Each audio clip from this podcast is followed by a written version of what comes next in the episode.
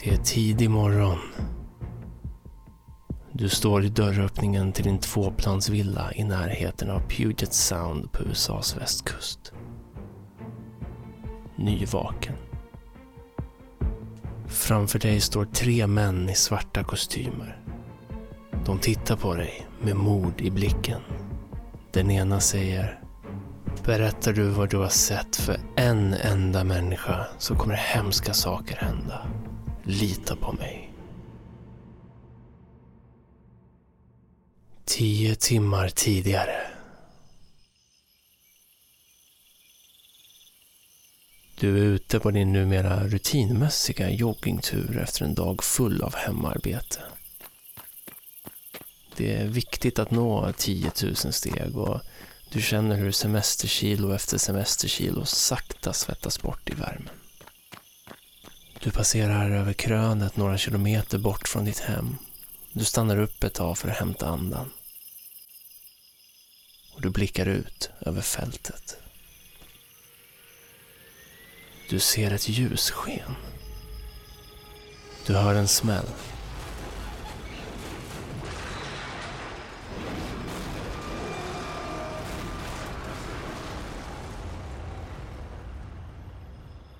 Helvete. Det ser ut som en ordentlig krasch av något slag. Men mitt ute i ingenstans. Dina verkande muskler klarar av att bära dig hela vägen trots att lungorna tycks motarbeta dig. När du kommer fram till olycksplatsen ser du att det handlade aldrig om någon bilkrasch. Det var inte ens två fordon involverade. Det här är helt otroligt. Det är faktiskt bara ett fordon här och det är inte vilket fordon som helst. Det här liknar ingenting du sett förut. Det är ett runt men samtidigt avlångt föremål. Du står som hypnotiserad i vad som känns som en evighet. I tystnaden, mitt ute i ingenstans.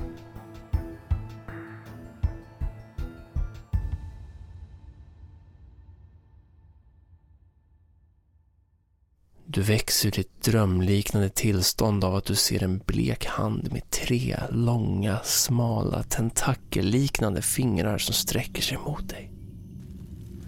Du följer de långa fingrarna upp längs med armen på den här varelsen och tittar så småningom rakt in i två ögon. Stora som tefat och mörkare än självaste natthimlen. Ditt blod fryser till is.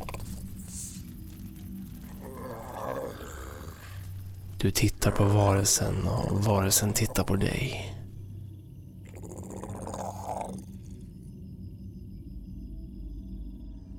Den tittar dig djupt in i ögonen och skriker allt vad den kan. Du får panik fort. Spring, titta inte bakåt. Fortsätt springa, ta dig hem. Det är som att du inte har sprungit en mil redan. Dina sönderkörda ben och överarbetade lungor bär dig hela vägen hem. Du smäller igen dörren bakom dig.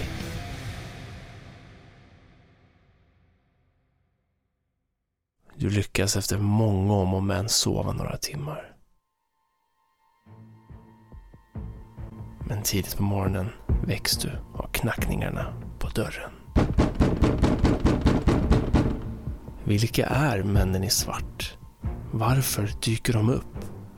Vad vill de? Vilka jobbar de för? Är de ens mänskliga? Det ska vi försöka ta reda på i andra säsongens femte avsnitt av Andra sidan. Är ni klara?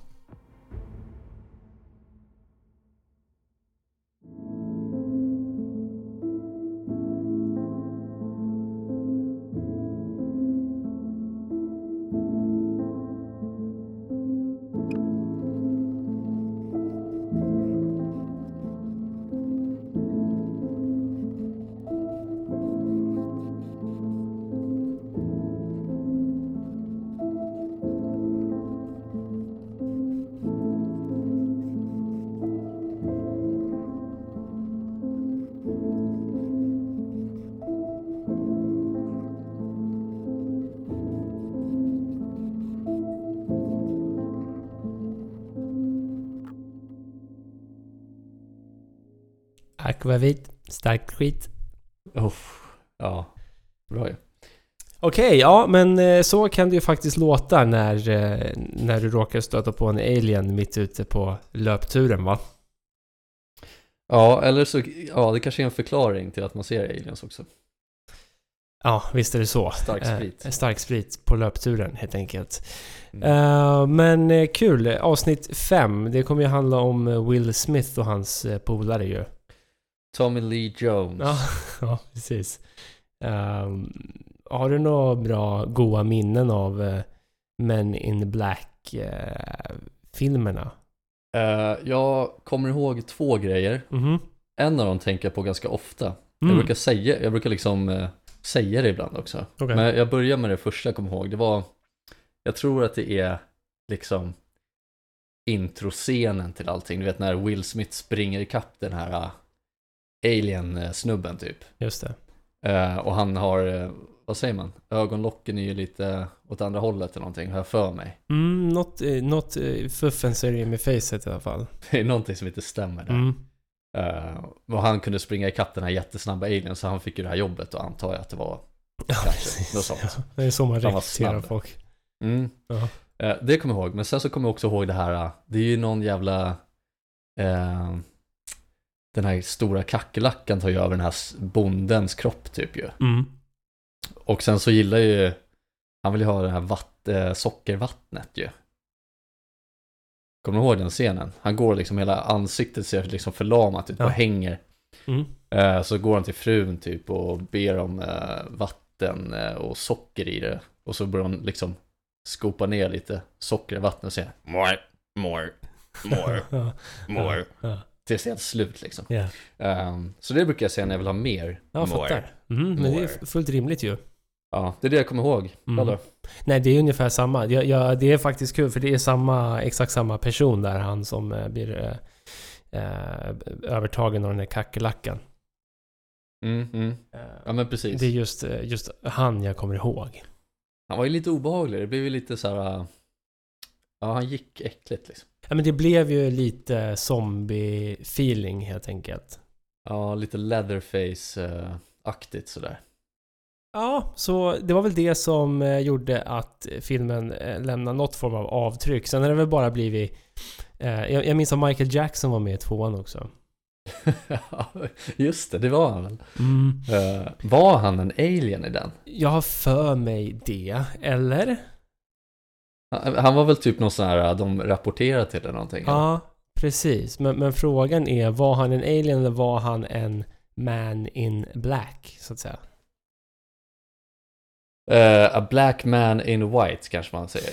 Just det, det är väl det jag säger. Men det är lite kul, jag läser nu bara att eh, han som gjorde Men in Black 2 Mm. eh, ville ju att Michael Jackson skulle vara en alien. Okej. Men han vägrade. Han ville ha the Men in Black suit. Så han var Okej. en Man in Black helt enkelt. Ah, ja, alright. Uh, ja, det går väl i linje med vad han ville i sitt liv då antar jag. Så kan det mycket väl vara. Eh, han vill i alla fall inte vara en alien. Nej, nej, precis. Vägrade Kul att ta den mest liksom, personen som ser konstigast ut eh, och inte göra honom till en alien på något sätt. Ja, ja, verkligen. Det är svårt att få mig att tro, eh, innan dagens avsnitt i alla fall, hade det varit svårt att få mig att tro att Michael Jackson skulle kunna vara en man in black. Men efter att ha gjort min research så tänker jag att det är fan inte omöjligt att de skulle kunna se ut som honom hela högen. Nej, nej, gud nej. Nej, det är fan eh, absolut, jag håller med dig.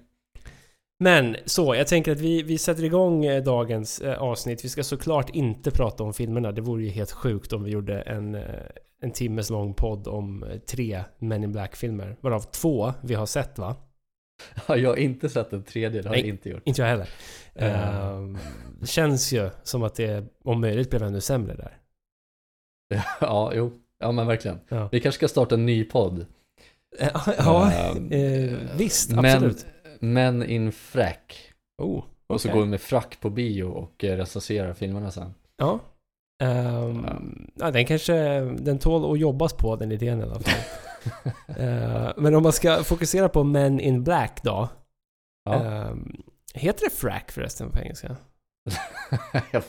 jag, tror inte det. Det hade varit fint om du gjorde det. Det väl Det hade varit fint. Tuxedo Jag antar att det är Men något frack sånt, va? var lite mer catchy. Men, Ja. men, men sådana här män då, klädda i, i svart, eh, helt enkelt, började dyka upp under typ sent 60-tal, vad jag förstått det som egentligen. Ehm, kanske lite tidigare. Ehm, det, det hänger ju mycket på när alla UFO-sightings blev populariserade liksom. Och det var väl efter andra världskriget. Mm. Ja, precis. Det var där någonstans. Ja, eh, pre- precis. Generellt sett, om vi bara drar en kortis här innan vi går in på specifika case, så är ju det här personer som är klädda i svarta kostymer av eh, varierande skick, som jag har förstått det. Som eh, ofta besöker vittnen som sett då ufon, oftast. Det kan ju också vara andra paranormala skeenden som, eh, jag har fan sett något med någon Bigfoot sighting och lite alien eh, gurgel liksom. Men då dyker de upp i Mm, eh, mm. grupper om eh, tre stycken ofta, har jag förstått det som. Ja. Triss. Ja, det... Triss i uh, män. Ja, Ja. precis.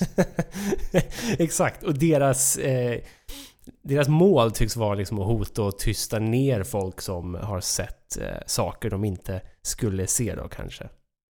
Ja, precis. De kommer där med sin eh, auktoritära klädsel och eh, eh, säger Hey man, get off. Ja, exakt det jag tänkte säga. Get off the case. get off our back and we'll get off your back. Mm. Men om vi bortser från eh, filmhelvetena då. Eh, har du någon annan så här referensram kring eh, Men in Black? När stötte du på dem? Var det liksom första gången du introducerades för dem eller? Alltså 100%, 100% så var det ju i filmerna. Ja. Men det, jag fattade ju inte då att det, filmerna är baserade på de riktiga eh, citationstecken Men in Black då. Mm. Eh, men det, det var ju filmerna såklart. Eh, eller såklart för mig i alla fall. Men sen Mm. så har man ju stött på lite sådana här stories ibland och sett någon, eh, någon klipp på YouTube eller sådär om Men in Black och läst någon liksom, liten grej. Och det, det är ju det är ju en liten sexy, sexy tanke att de finns där kan jag tycka. Mm, den är lite äggande. Det är den ju helt Mm. klart. Mm. Eh, men nej, så att, eh, det är väl inte mer än så. Det är väl filmerna eh, faktiskt. Hur själv då? Mm. Nej men det är väl... Eh, jag tror att de flesta fick upp ögonen för dem eh, i och med filmerna. Det finns väl lite inslag i eh, Arkiv X också. Ja, jo eh, precis. som drar åt det här hållet.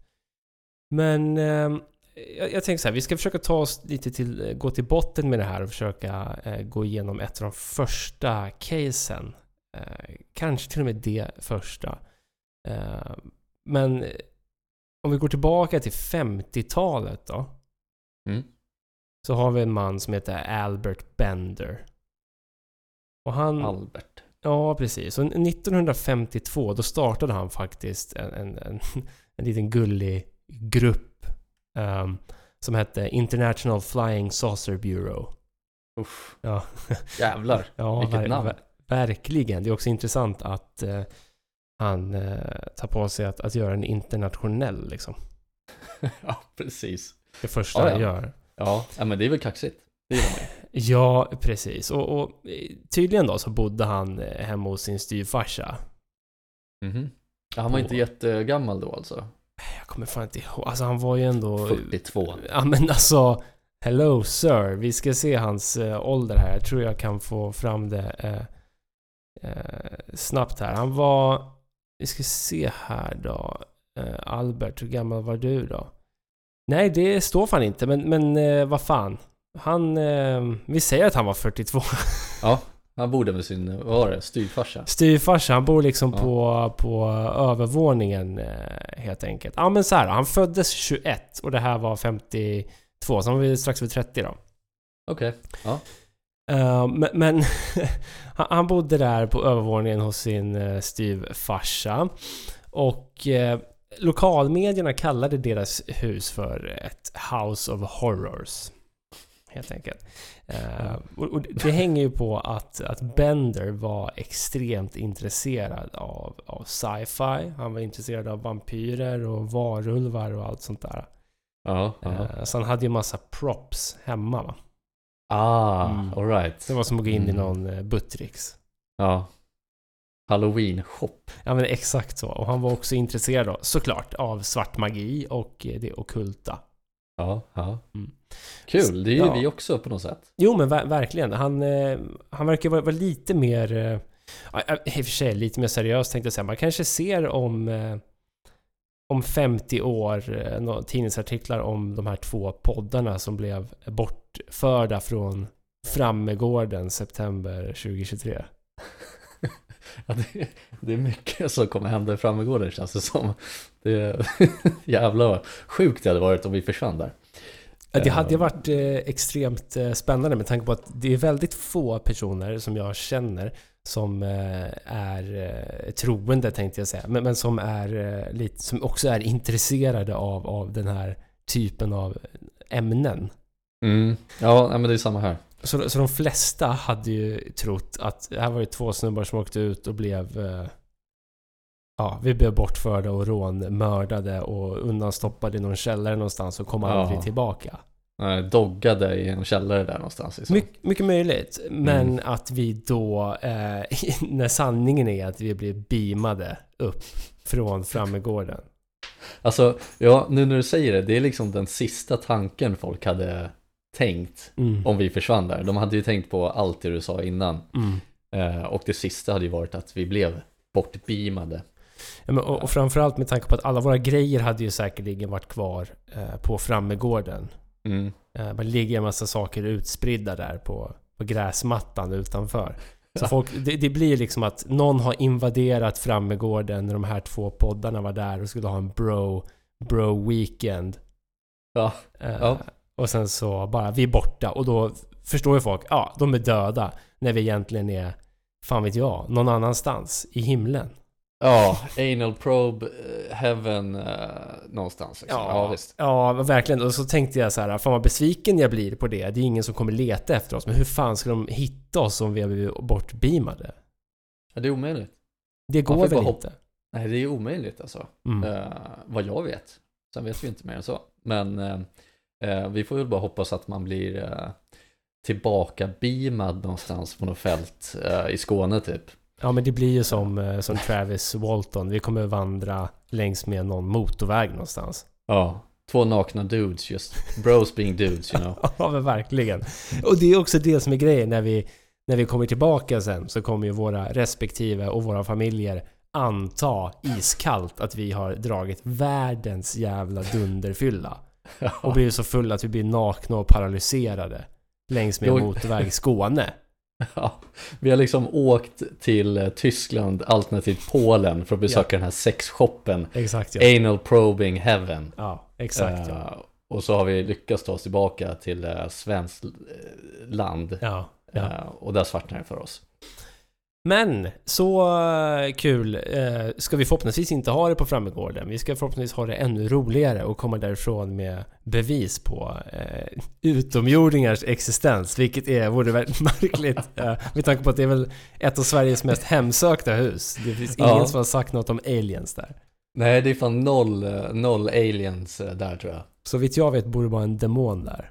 Mm, precis. Man kan ju hoppas. Fan, nu, nu när vi ändå är inne på det här lite snabbt bara. Vad hoppas du mest? Alltså säg att, säg att det finns en demon eller aliens där. Vad hoppas du mest på? Ja, precis. Eh, Det är lite svårt. Mm, ver- verkligen. Vi har ju inte ens sagt det här, eh, men vi ska ju åka till Frammegården i september. Det kanske folk förstår när de lyssnar nu. Men, men, men, men eh, det, det känns ju spontant som att jag helst får med mig bevis. Jag hoppas på aliens faktiskt. Ja, ja bevis och aliens ja, såklart. Och aliens. Jag tänker liksom, ja precis, men, men vad är mest obehagligast att stöta på? Det Ja, känns ju som att en demoner. demon hade varit så jävla vidrigt alltså. Ja, men det känns så ondskefullt. Aliens Ja. känns ju eh, Nyfikna. nyfikna. Exakt, nyfikna. Eh, vi vet ju eh, i princip att Nyfiken grå. Ja, exakt, exakt. Verkligen. Och, och Ja. de, de, de känns ju nyfikna, lite smådumma i huvudet. Men de är ju så mycket smartare än oss.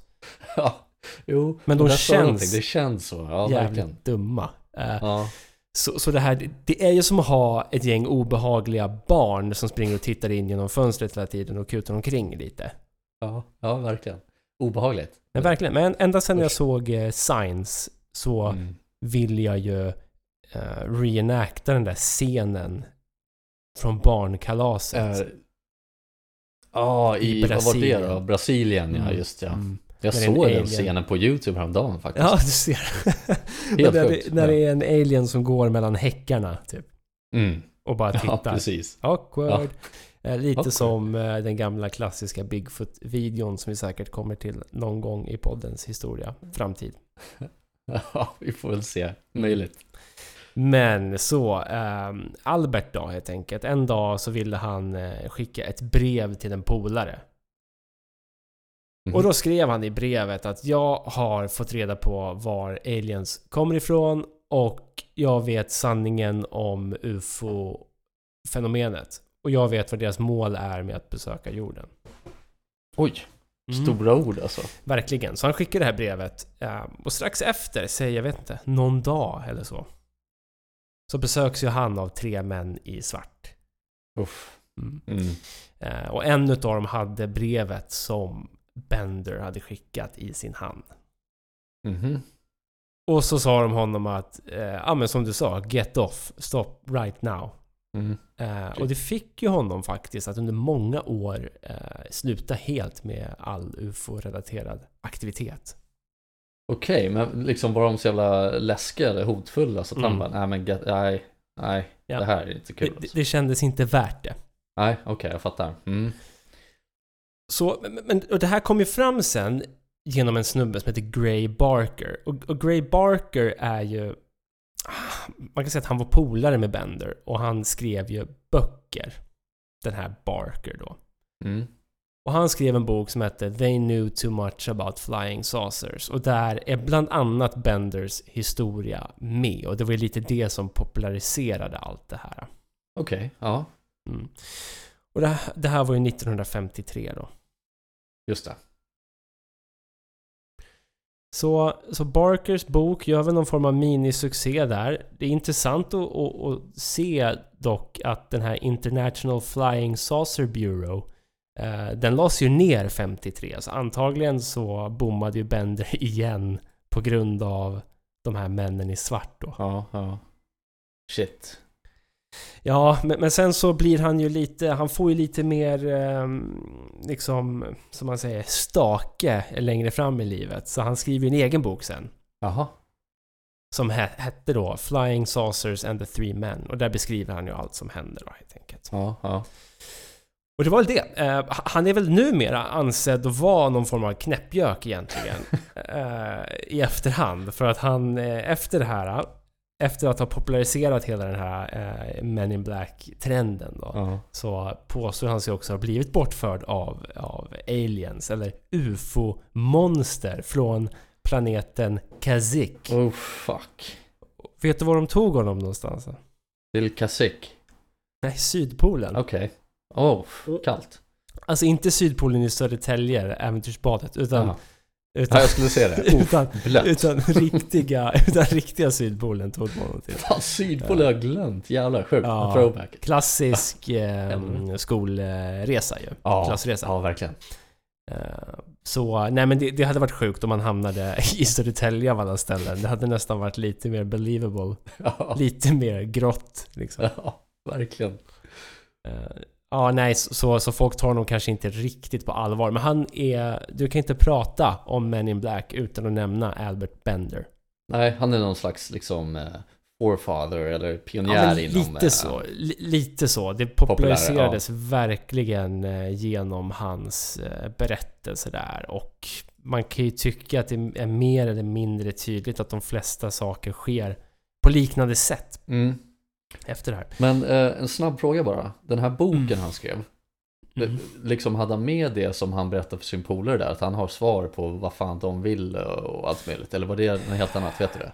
Alltså, alltså grejen är så här. Han sa ju sen att han blev bortförd av de här Kazik-människorna. Ja.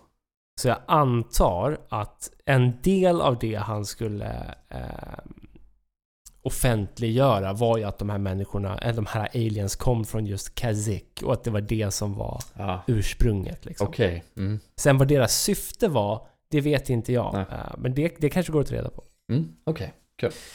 Ja, har du någonting gött att bjuda på? Ja, alltså jag, jag, har en, jag har en liten story här. Mhm. Eh, och den, eh, det handlar om Dr. Herbert Hopkins. Just det. Ja. Eh, så jag, jag tänkte att jag kan ju riva av den här, det, är- det är lite, lite grann här. Men eh, jag tyckte att den var jävligt intressant i alla fall. Mhm. Eh, så det här skedde då i september 1976. Ehm, och då var den 58-åriga Dr. Herbert Hopkins själv i sitt hus i Maine. Ehm, han hade fru och barn också, men de hade gått till bio eh, på den kvällen då, tidigare på kvällen. Ja, Eh, skönt. Fick en lite ä- egen tid så. ja men en ronk eller jag vet inte, någonting. Någonting vill han göra själv i alla fall. Eh, nej men han, han ville stanna hemma för att jobba eh, på ett ufo-fall Just. helt enkelt. Just det. Eh, Just som det. kallas för The Stevens Case. Mhm. Mhm. Eh, men, jag har faktiskt inte gått in i detalj på vad det här caset handlar om egentligen för jag tyckte att det här var mer intressant. Mm. Eh, men han jobbar på det här fallet i alla fall, Stevens Case, eh, när telefonen ringde. Eh, Herbert då, han svarade och eh, på andra sidan linjen där så, så var det en man som presenterade sig som en, eh, en person från en lokal UFO-grupp som ville diskutera det här fallet med honom. Och liksom lite okaraktäristiskt nog så, så gick Herbert med på att träffa den här mannen. Och liksom kort efter att det här eh, samtalet avslutades så gick, eh, gick han till sin ytterdörr för att liksom öppna, du vet de här klassiska eh, Ja men som de brukar ha i USA, de brukar alltid ha två dörrar typ, så en dörr in till huset och sen en sån här nätdörr typ, eller så här glasdörr som skyddar mot mygg och skit antar jag då. Just det. Just Så han skulle gå och öppna den här dörren för att se liksom när den här personen kom på besök så han kunde greet him by the door. Mhm. Eh, Så liksom inte ens en minut efter samtalet hade avslutats så gick han mot dörren för att förbereda för att slippa öppna två dörrar då, I guess. Eh, Men redan då så såg han att det var en man som eh, liksom gick till, gick till hans hus helt enkelt. Ja. Och, och det var lite konstigt för att ehm, den här mannen då, ja, liksom hade den här svarta kostymen och hatt på sig, han var själv. Mhm. Eh, Men det är lite konstigt för enligt Herbert så fanns det liksom ingen telefonkiosk. Det här var ju 1976 så att det fanns ju inga mobiltelefoner och så vidare. Ja. Eh, Kunna ha ringt ifrån. Eh, Och han såg inte heller att det fanns någon bil ståendes eller liksom där i närheten heller som den här mannen skulle kunna sitta i. Och det hade, även det hade ju inte kunnat förklara varför han var där så snabbt på plats liksom. Men i alla fall. Eh, så den här mannen gick upp för trapporna fram till Herberts hus då. Eh, och Herbert eh, ja, bjöd in den här mannen helt enkelt. Han tyckte det var lite konstigt att han var där så snabbt men han eh, sa det. "Ja, men, Hey man, let's go in and talk. Discuss the case. Eh, Ja. Eh, Så han eh, satte Uff. sig ner med honom för att diskutera det här då. Och enligt Herbert så var han den, den som pratade mest. Eh, För den här mannen ville mest bara veta liksom detaljerna kring det här caset och vad han visste om det och, och, och så vidare. Eh, Men också så beskrev han det som att den här mannen som var på besök då, eh, han hade liksom handskar på sig också. Ljusa handskar. Och vid ett tillfälle så liksom förde han upp sin hand mot sin mun för liksom att klia eller liksom borsta bort någonting från munnen sådär som man kan göra om det kliar eller sådär. Och då noterade Herbert att på den här handsken så Ja. var liksom var liksom som läppstift på den. Eh, och när han, väl, eh, när han väl tittade den här mannen i ansiktet då, så såg han att han hade liksom smetat bort sina läppar. Eh, så, eh, så han hade i stort sett bara liksom ett, ett streck i facet, han hade liksom inga läppar. Jävlar. Så det här läppstiftet var ju bara en ruse eh, eh, få, det se ut som att han hade läppar helt enkelt. Eh, men men, eh, han tyckte väl det var jättekonstigt. Eh, men han har också beskrivit det som att hela situationen var väldigt konstig. Han, han eh, som sagt liksom väldigt så att bjuda hem något i sitt hem men bara han pratade med den här mannen så, Så gick han med Men på det. alltså, men alltså tänk dig själv att du, du, det kommer någon jävel i, i, i kostym och knackar på hemma hos dig. Ja, Och sätter sig, du tar fram lite, du tar fram en bira kanske men Ja. slår dig ner i köket, ska sitta och snacka lite. mm. Halvvägs in så råkar han torka bort sin mun. ja. Det är helt otroligt alltså. Ja, alltså verkligen sight to see alltså. Eh, Ja. jag, jag ser det här, vet jag, pin, pinstripe, eller vad heter det? Liksom så här fin, fin linjerad mun på något sätt. Exakt ja. Streck i facet. Alltså, jag, jag vet inte om du minns när, när du och jag var ute på, på um, krogen för många år sedan så kom det en, en, en kille och bjöd oss på bärs, en Leffe, eh, en, en, en mörk Leffe-bira. Ja, det, irländsk pub. Ja, men ja, det var ju han snygga killen ju. Exakt ja, jag ska Ja. komma till det. Han såg ut som typ eh, Carl Philip eller någonting. Ja, Ja, Simon Neil från Biffy Clyro. ja, precis ja. Och, och det är ju lite märkligt för han var ju så, så jävla snygg ju. Mm. Men fatta då om han hade bjudit oss på, på den här bärsen och sen bara torkat sig om munnen, så torka bort sitt face. Liksom.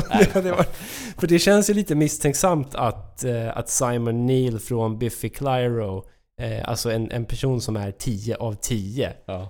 helt ur ingenstans kommer fram och bjuder på bira. Och då, då känns det som att det hade made sense på något sätt i den situationen att han hade torkat bort halva sitt face och sen bara gått. ja, absolut. Det är någonting Mm. som inte stämmer där riktigt. Nej, Jag, verkligen. jag vill också minnas att vi inte drack den här ölen.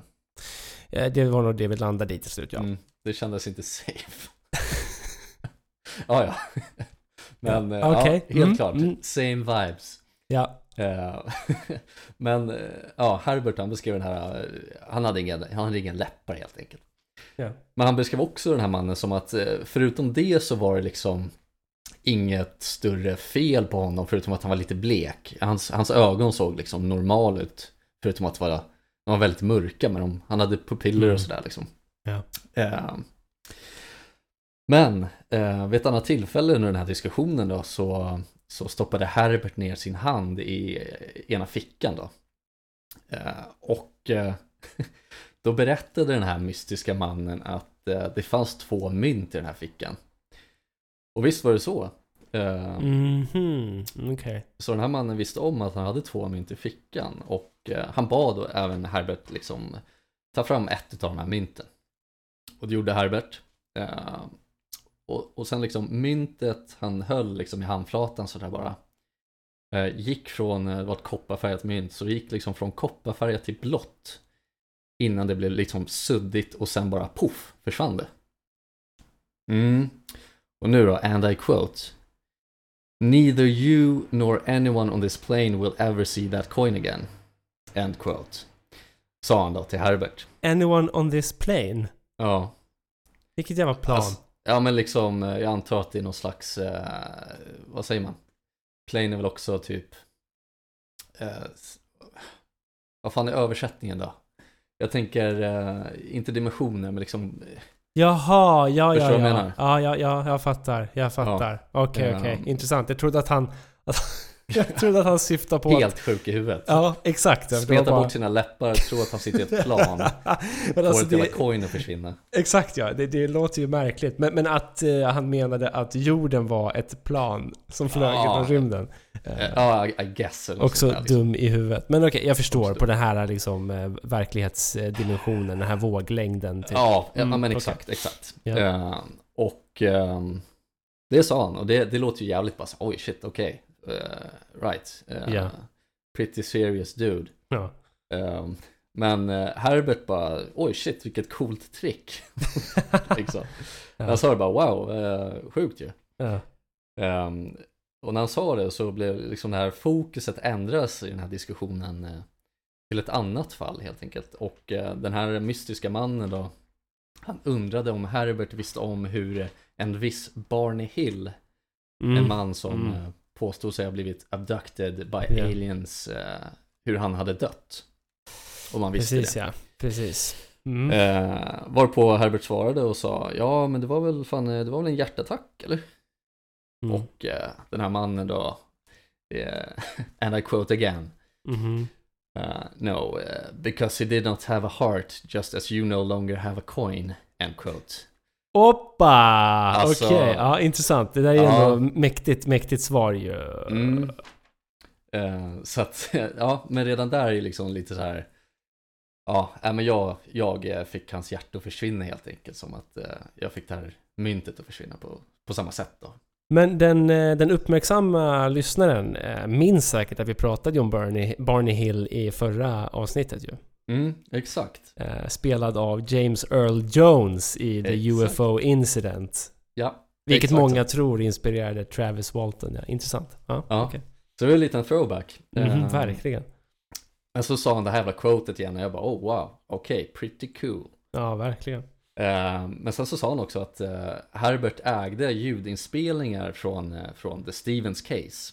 Ett helt annat fall som de började prata om. Mhm. Eh, och eh, de här inspelningarna var då från eh, så här, hypnos session som de spelade in för att försöka liksom få fram, nu vet jag inte detaljerna om vad, vad som hände i det här fallet men det var ju UFOs och aliens och så vidare. Ja. Eh, så han sa, oh, men du, eh, du äger ju lite ljudinspelningar och, och lite dokument och sånt där. Och det, det, det erkände ju Herbert då. Han sa, ja men det gör jag. Eh, varpå mannen sa då att, eh, jo men du, du ska förstöra alla de här dokumenten och ljudinspelningarna eh, som rör det här fallet. Och enligt Herbert så, så sa mannen det väldigt liksom, han var varken befallande eller arg. Han sa liksom lugnt bara, typ så, ja men du kommer göra det. Mm. Lite som att han, han visste att han skulle göra det liksom, eller bara, ja men du förstår. Så ja men du kommer förstöra allt det där och, och, och så vidare, men eh, han hotade inte heller med att han skulle komma tillbaka om han inte gjorde det. Eh, han sa bara att han skulle veta när allting var förstört. Okej.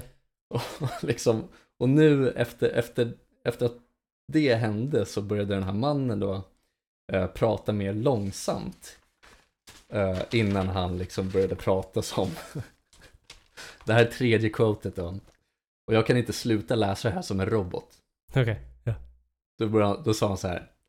My energy is running low. Must go now. Goodbye. Alltså vilken jävla stjärna han har blivit besökt av alltså. Ja, verkligen. Helt jävla schizo. Uh, men uh, ja, så Herbert bara, ja, okej, ja visst, uh, feel free to go. Så han iakttog den här mannen då när han tog sig ner från de här samma trapporna som jag gick upp till huset från då.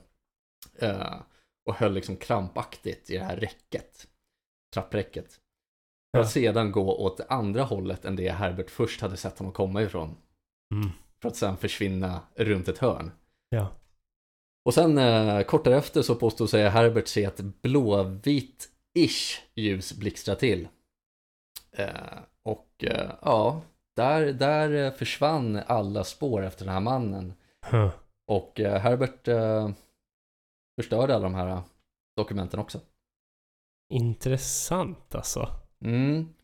Så det är lite eh, ett fall där eh, det finns lite dokumenterat att han blev besökt av en person i alla fall som verkar vara jävligt, jävligt märklig.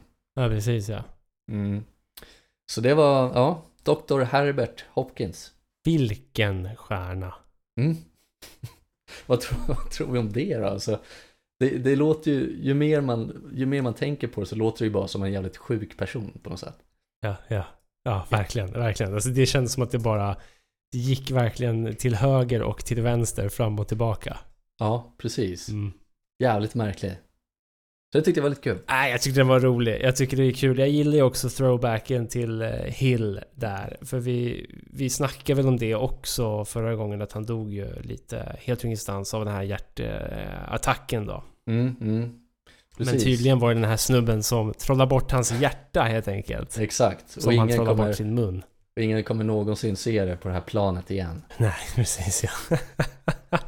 ja, kul. Det där var eh, a breath of fresh air tänkte jag säga. Ska, ska jag dra en snabbis nu då?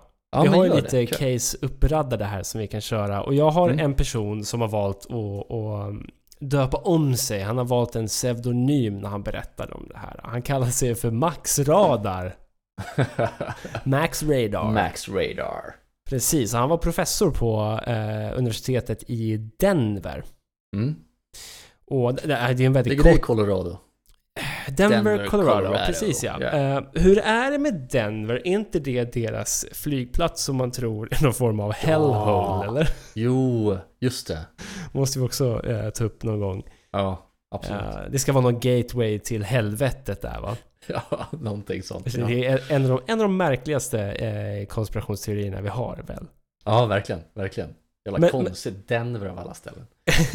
Men eh, Max Radar, han höll ju på med UFO-research precis som eh, Herbert. Mm. De här människorna gillar ju det. De- Så det har ju alla våra, eh, kommer vi märka nu, tror jag, eh, liksom vittnen och offer gemensamt nästan. Mm. Att de, Att de- liksom är... UFO-nuts helt enkelt. De Ja. researchar UFOn. Mm, mm. väldigt mycket. Och, och Max Radar eh, höll ju på med det också, gjorde massa UFO-research där på universitetet. Och han påstår att han blev utsatt för en eh, så kallad Men in Black attack eh, över sju månader. Eller sju månader vet jag inte, flera månader. Över flera månader. Eh, men inte bara han, utan även hans barn. Jaha, okej. Och det är det Ja. här som är lite intressant, för, för Max Radar blir ju eh, uppsökt av, av män i, eh, i svart helt enkelt. Jag kan inte sluta tänka på hans namn. Nej men det är ju Alltså. fantastiskt ju. Spy Max. Ja, verkligen. Men, men, Okej, mm. eh, d- d- men han får ju ett samtal och de kommer och hälsa på och säkert trollar de bort mynt också och håller på liksom. Men hans barn, när de är ute och promenerar så blir de stannade på trottoaren av män i svart som säger så här: Säg åt din farsa nu att lägga av. Eh, Han måste sluta eh, lära ut eh, saker om ufon och han måste sluta researcha saker om ufon framförallt. Jaha, okej. Eh, och, och det här håller ju på då i flera månader. Han blir som terroriserad av de här. Eh, Det var och kul om de bara gick till de här barnen flera månader, varje dag efter liksom skolan. Ja. Liksom, be din farsa lägga av nu för Ja. helvete. Det är så, så, så var det som jag förstår det. Det var liksom han och hans barn och hans familj. Det blir liksom... De ville verkligen få stopp på eh, Mr Radar. Ja, jävla Eh, mörker. Va- Jävla mörker. Till slut så ledde det alltså till att han, han tog tjänstledigt och liksom behövde gömma sig. Okej. Ja. Han, han, han drog ut, eh, han drog i exil helt enkelt. Went in hiding, som det står i de här dokumenten jag har grävt fram. Okej. Ja. Eh, och det var egentligen det. Det var mer bara en, ett sånt här eyewitness account som eh, jag har fått redogjort för mig här. Eh, och jag tyckte det var intressant att ta med ett där det inte bara det drabbar ju inte bara honom utan det drabbar ju även hans familj. Ja, hela familjen råkar illa ut på något sätt. Liksom obehagskänslorna kommer ju när det kommer massa män in black och ber om att fuck off with the case typ. Eh, Ja, ja exakt ja. Nej, men, och, och, och fatta då att hans barn är ute och går och så kommer de fram och säger Hello, tell your dad to stop. Mm. De fattar ju ingenting. Nej, såklart. Så han verkade ha varit något på spåren, men det blev inte så mycket av den researchen för han var ju tvungen att, att dra och gömma sig helt enkelt. Och Mm. nu vågar han inte ens framträda med, med riktigt namn. Nej. Nej, hur länge sedan hände det här sa du? Ja, det sa jag faktiskt inte ens. Men det är ganska modernt eller? Nej men alltså Hans vittnesmål där, vi ska se, jag har källan här framför mig. För den källan jag har är från 87, så det här är ju innan eh, Innan 87 är det ju i alla fall. Jag skulle Mm, gissa mm. att det är på 60-talet någon gång. Okej, ja. Ja, okej. Ja, ja, men intressant ändå. Eh, Det är ju det är jävligt kul, eh, det är jävligt intressant att höra just sådana här vittnesmål, även Ja. om de inte framträder med riktigt, riktiga namn och så vidare, men det finns ändå flera familjemedlemmar som råkat ut för det här, så att om det väl har skett nu så är det ju flera som vet om det, eller har varit med om det helt enkelt. Så det Precis, kanske kommer ja. fram några ungar om några år bara liksom, Hey man, I was Max Radars son. Ja, ja verkligen. Så kan, så kan det verkligen vara ja. They Mm. told me to get off. Uh, Ja, ja. Mm. Ja, vi får väl se. Ja. Time will tell, I guess. Intressant. Kul. Mm. Ja, men kör på med något du har då. Ja, men jag kör, eh, jag kör ett fall här också då, som Mm. eh, också påverkade andra. Inte på riktigt samma sätt, men de, blev ändå påverkade. Eh, och Det handlar faktiskt om Dan Aykroyd som du kanske vet vem det är. Ja, absolut. Vill du fräscha upp våra lyssnares minne vart han, vad han är känd för? Mm. Ja, men han, han är väl mest känd, han är, han är ju en skådis, komiker Mm. liksom. Eh, och han är väl mest känd för att ha varit med i eh, Ghostbusters och typ Blues Brothers. Ja, jag tänkte komma till det. Blues Brothers är ju ändå Men in Black. Va? Exakt, ja Mm. precis. Eh, och han, han är också, han har varit- väldigt framträdande, han tror ju, eller han säger sig båda varit med om eh, eh, hauntings och eh, spökerier och, och aliens och allt möjligt. Han har, han har varit med om allt. Intressant ändå. Mm, och han är ändå en ganska liksom välkänd person, så han har väl ändå ganska mycket att förlora på att säga de här grejerna om, om det inte stämmer. Får man ändå säga. Det får Ja. man ändå säga. Eh, men i alla fall, eh, vad det, det här handlar om är ju då eh, att eh, 2002 så skrev, eh, skrev han på ett kontrakt med The Sci-Fi Channel eh, för att producera en åtta episoder lång UFO-serie som, eh, som kallades för Out There. Har du hört talas om den? Nej, inte alls. Nej, eh, vilket inte är så konstigt för den, den var inspelad och klar i stort sett men den sändes aldrig. Mm. Eh, så att det var, det var liksom, oj nu håller min dator på att stängas av, get off, så. Eh, nej men det var under, under inspelningen av det här sista avsnittet då, det var åtta delar, så åttonde avsnittet. Eh, så under en paus där då, så, så gick Dan ut för att ta en eh, rökpaus helt enkelt. Och eh, inspelningen var i New York i det här fallet. Så han gick ut eh, och eh, sluta skrik Hasse please. Eh, ja, jag ber om ursäkt för Cat i bakgrunden. Eh, när man gick ut, tog en cigg eh, och eh, sen ringde Britney Spears honom på sin mobil. Ja, men det är Eh. ju sånt, det är ju sånt som händer verkligen. Ja, ja men eh, i New York, alltså åk dit så kommer kändisar ringa dig till höger och vänster, så är det. Ja. Eh, nej, men han stod där och tog en rökpaus och pratade med Britney Spears i, eh, i telefon helt enkelt. För hon, eh, det var någonting med Saturday Night Live eller någonting, de skulle vara med i samma avsnitt eller något sånt liknande. Mhm. Eh, och medan han stod där och pratade med henne så liksom kollade han lite till vänster över, över gatan här, ja, jag vet inte vilken gata han var på men det var någonstans i New York. Och på andra sidan, eh, andra sidan vägen här så stod det liksom en mörk bil och så var det tre stycken män in black.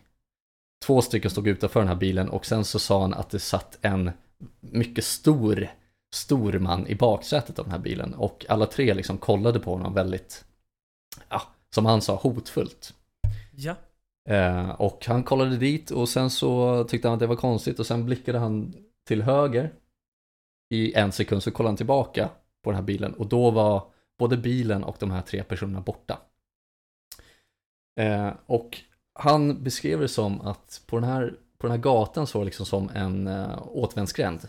Så det är omöjligt för den här bilen att ha åkt bort på den här sekunden. Och sen är det omöjligt för bilen att ha åkt bort liksom, eller liksom kört en U-turn för att åka därifrån.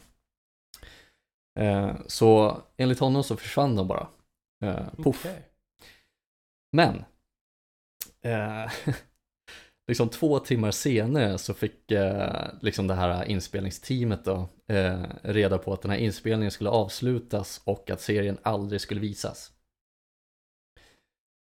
Och då är han övertygad om att det här var, ja, nå- något, eh, något slags Men in Black case. Eh, antingen om det var Men in Black eller om det var någon CIA eh, government eh, thing som inte ville att eh, den här serien skulle sändas då. För han hade träffat många, eh, många personer som eh, hade lite koll på allt möjligt och liksom abductees och allt möjligt. Så han är övertygad om att de, eh, de stängde ner den här serien helt enkelt för att det, de ville inte att det skulle visas.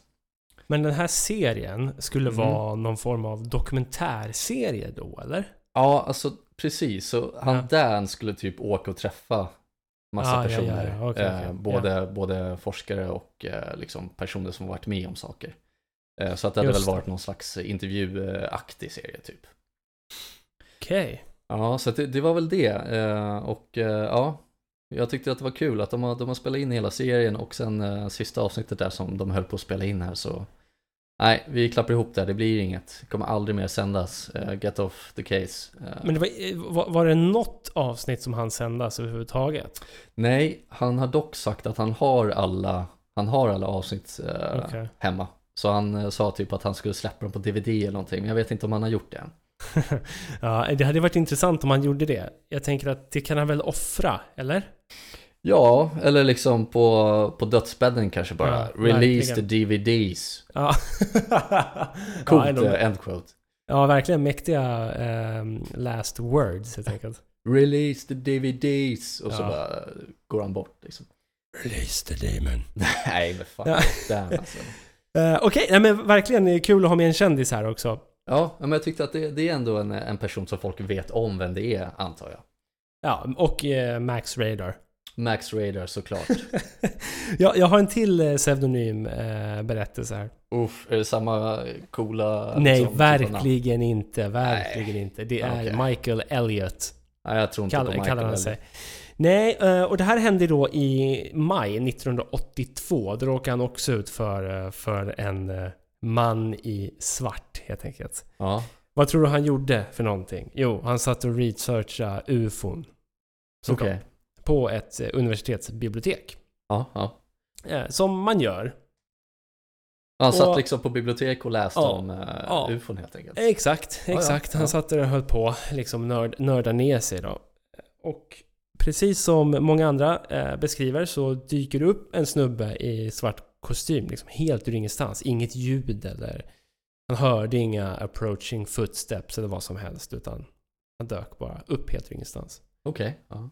Framför honom, så när han eh, tittar, tittar liksom upp ur boken så ser han bara den här eh, mannen.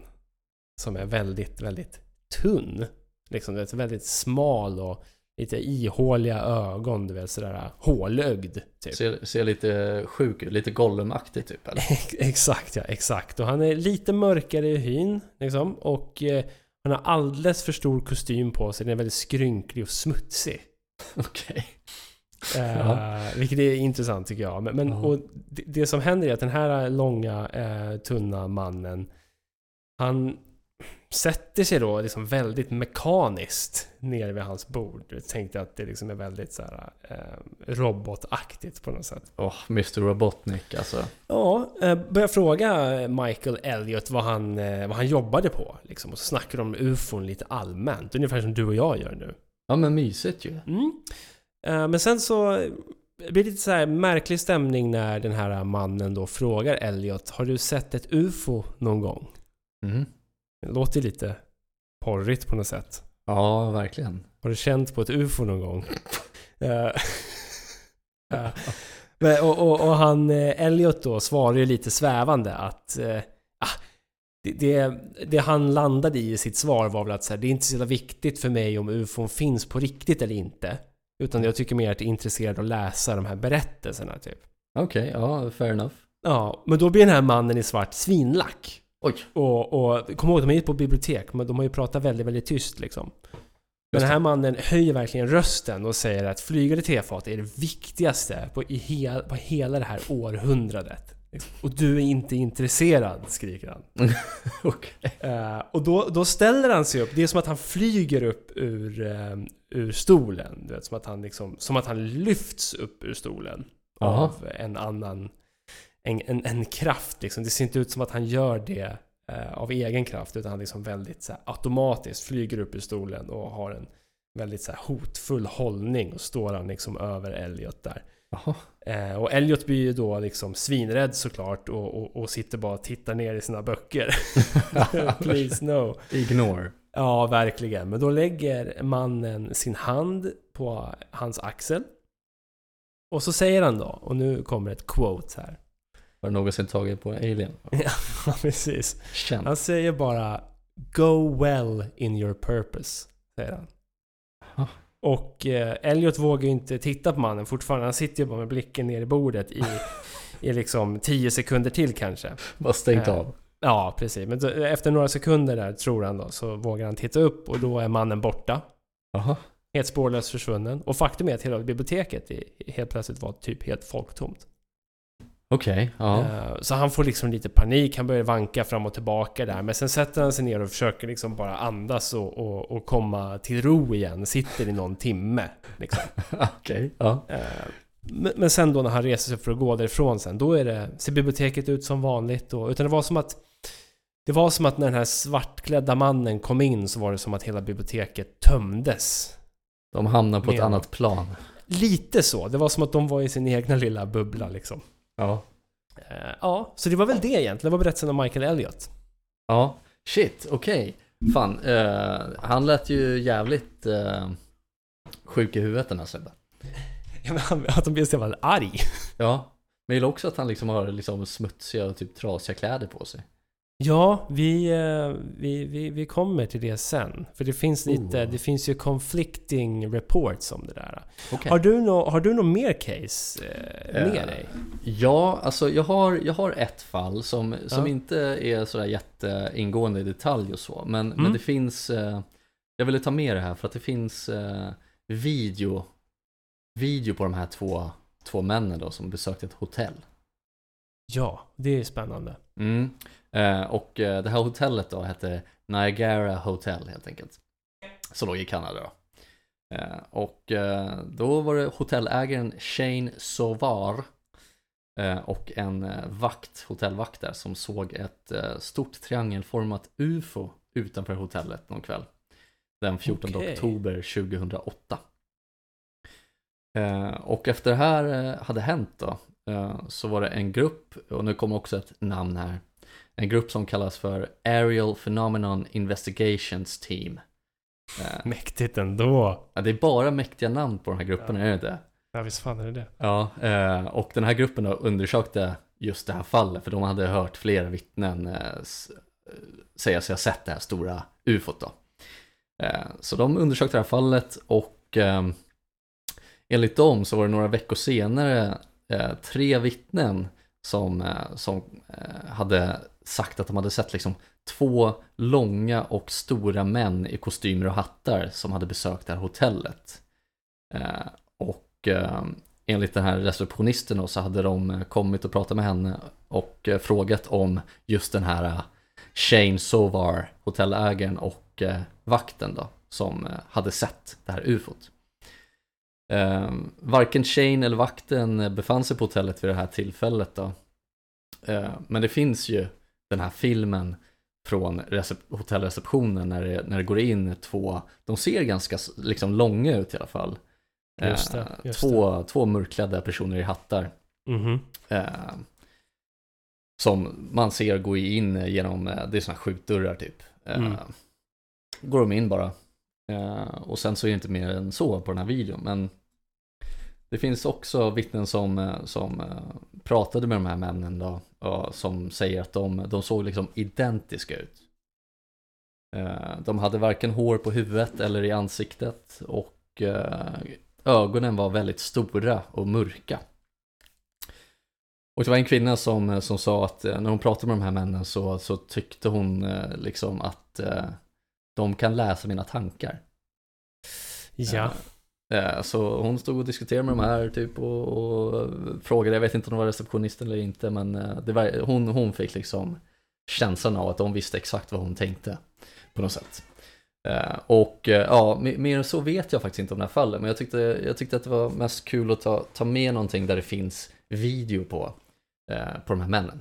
Ja, verkligen. Verkligen. Det är ju det enda vi har i, i faktiska hard eh, facts. Eller någon form av eh, tillstymmelse till bevis i alla fall. Ja men precis, sen vet man ju inte om det stämmer eller om det bara är ett prank. Men eh, det finns video som man kan kolla upp, vi kan ju länka det på något sätt. Ja, absolut. Det är, men det är också bara två män i, i svart eh, kostym som går in genom en dörr Exakt. i slutändan. Ja, Precis. nej men verkligen. Det är en, de, de ser lite märkliga ut måste jag säga. Mm, ja du kollar videon nu eller? Mm, ja men den, den, den ser jag. Mm. Ja men de ser ju liksom, eh, man ser ju en till person i, i samma liksom eh, ställe där när de går in genom dörrarna. Han ser ju lite, han kanske är väldigt kort också, men de ser ju ändå lite eh, längre ut än vad han gör. Ja, alltså de ser ganska så här imposing ut. Det, det Mm. känns svårt att, det ska vara svårt att stå emot de där herrarna. Ja men precis, och just att de ser ju, de ser exakt likadana ut. Nu är den väldigt Ja. gryn i videos men Mm. mm. klädseln i alla fall eh, identisk. Ja, intressant. Eh, Men det var alla case vi hade att dra va? Ja, eh, det var alla mina i alla fall. Kul! Då ska Mm. vi in på förklaringar här. Ja. Och eh, här är det lite roligt. Mina case och mycket av den här förklaringsdelen nu. Jag hittade sent igår, vid typ midnatt någon gång, hittade jag en vad ska man säga, en tidskrift som heter Journal of American Folklore. Mhm. Och eh, just den jag hittade är från 1987. Och där går de igenom det här Man in Black ehm, fenomenet då egentligen. Och det intressanta med Journal of American Folklore är att jag har hittat alltså upplagor som drar sig tillbaka så långt som till 1800-talet. Så det var ganska intressant att ligga och kolla på i natt. Vad jävlar, det här måste du länka till mig. Ja, verkligen. Ehm, men så jag har en hel del. Jag har börjat spara nu eh, innan mitt konto går ut. Jag börjar spara ner massa pdf-er om demoner på 1800-talet. Så det kan bli ganska spännande framöver. Men sammanfattningsvis, det, det den här personen gjorde i den här artikeln som skrevs i Journal of American Folklore var att han jämförde själva eh, Men in Black-fenomenet med berättelser om djävulen. Okej, ja. Och hans teori är ju att vi bara har ersatt djävulen med Men in Black. Att det finns så många paralleller i berättelsen om Men in Black som också går att hitta i berättelser om djävulen. Du vet att djävulen är en trickster, som man brukar säga, som Mm. spelar folk spratt och så. Där har vi till exempel ditt exempel med han som trollar bort mynt och torkar bort sin mun. Han verkade vara lite, lite busig och lite stökig. Ja. Och mekanisk. Och mekanisk, precis. För det är nästa del, att djävulen, när han klär ut sig till människa, så har Ah. han svårt att bete sig som en vanlig människa. Det finns ju Okej. alltid något som är off med de här demonerna som eh, possessar människor. Eller saker och ting som försöker efterhärma oss människor. Lyckas till stor del, men det är någonting som är off. Mm, mm. Så jag, jag tyckte det var en intressant ingångsvinkel för honom att ha. eh, Ja, att, att det är någon form av bara...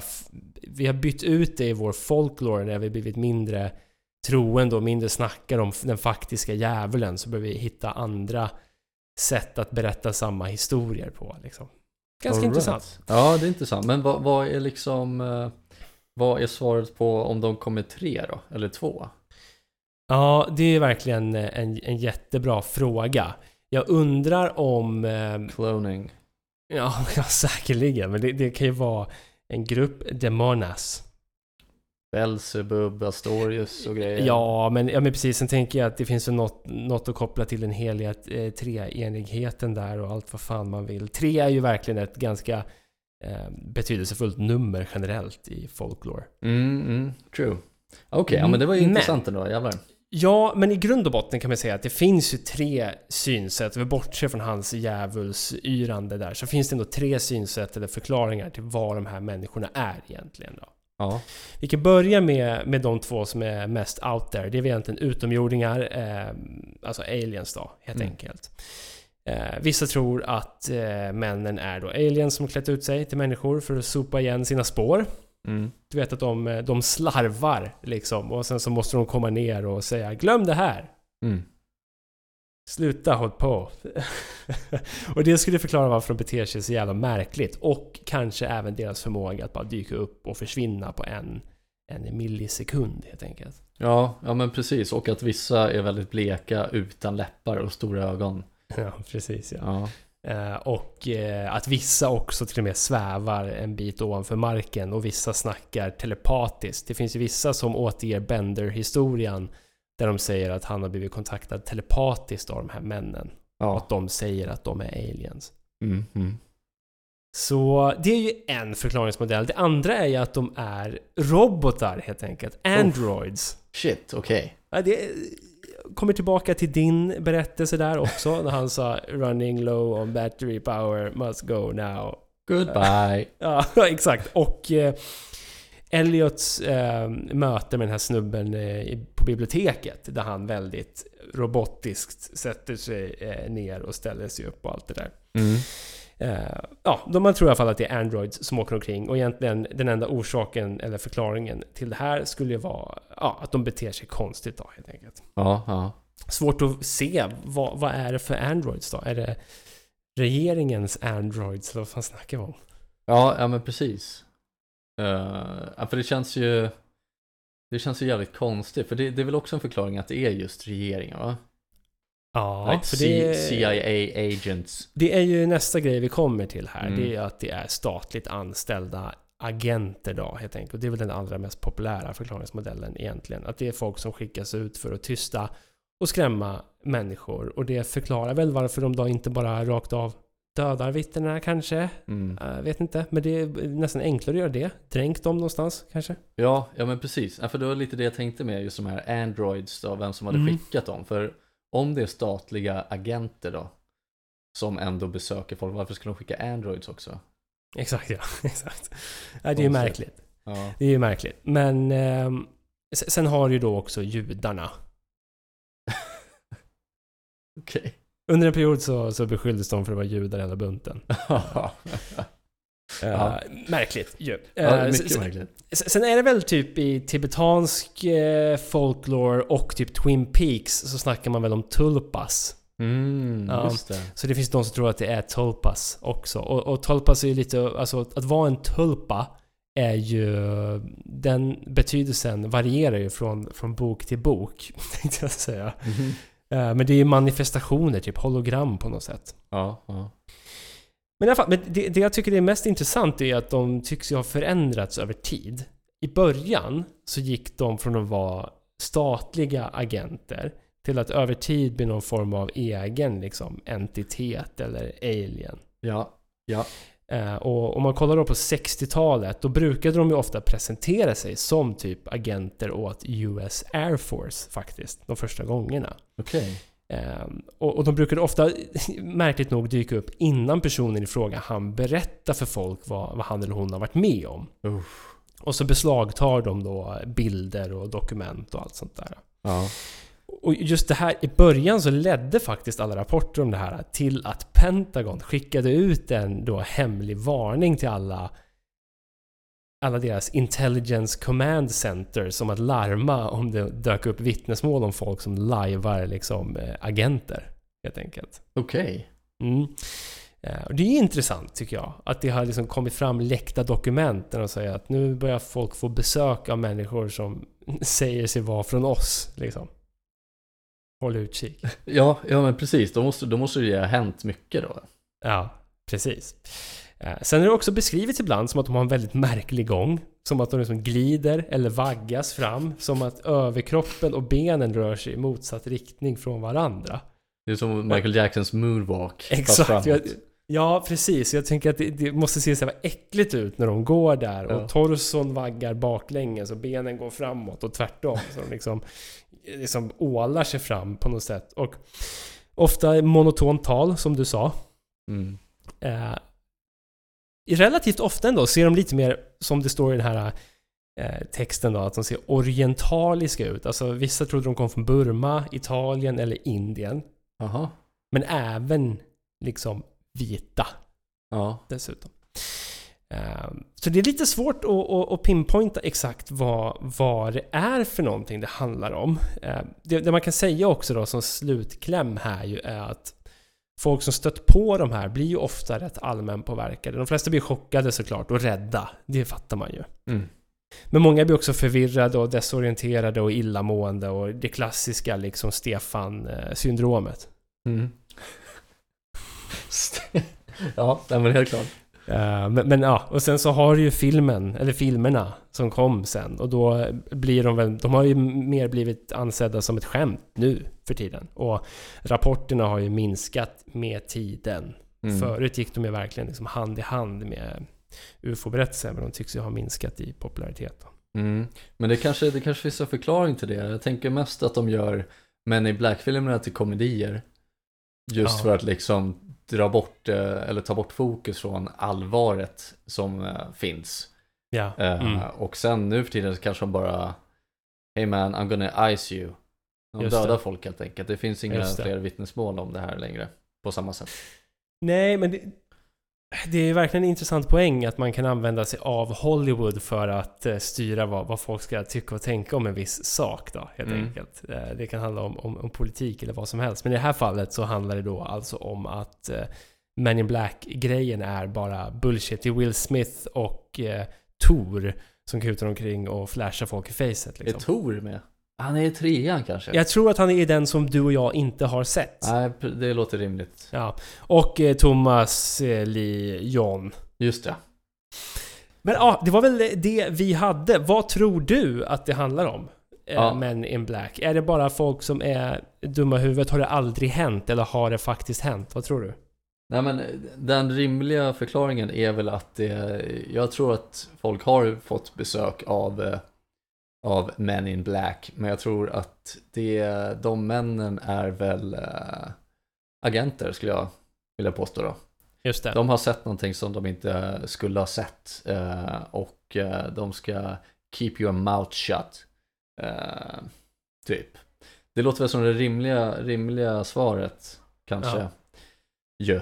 Eh, men, men eh, en, en tanke bara lite snabbt. Eh, Den här mannen på biblioteket som du sa, lite trasiga kläder. Hade vi någon förklaring till varför han hade trasiga kläder? ja, nej, men det är intressant ju. För att i, i berättelsen om Men in Black, om man samlar alla berättelser, så finns det lite saker med klädseln som sticker ut. Att antingen har de orealistiskt jävla välstrukna kläder Ja, och tip-top shape. precis. Eller så ser det ut som att de har klä, krälat upp ur en jävla kloak precis. Okej. Det är liksom de här två. Det är ingen som bara är så här, ah, men han är vanligt liksom. Han har en vanlig svart kostym så kanske jag har något, något väck någonstans och kanske något skrynkel hit och dit liksom. Utan antingen är du helt förstörd eller så är du helt nypressad. Mm, alright. Mm, Ja, det, är lite intressant. Verkligen. För jag tyckte också det här nu, nu när vi pratar lite Androids också. Mm. Eh, en dimension i det där som jag, som jag börjar tänka på nu är att det är det kanske är aliens som har klonat människor. Eh, eller så är det liksom bara skalet av människor. Det är därför de är så jävla konstiga. Liksom. De, Ja. Det fattas någonting. Eller liksom, de har inte lyckats få håret att fästa eller växa eller sådär. Liksom. Mm. Mm. Och då har de bara skickat ner dem som någon slags representant för att be dem att hålla käften liksom. Mhm. Ja, och de är säkert ganska expendable också. Mm, ja men exakt, precis. Eh, Men säg, ja, okej, mm. säg så här då. När de kommer ner är de helt...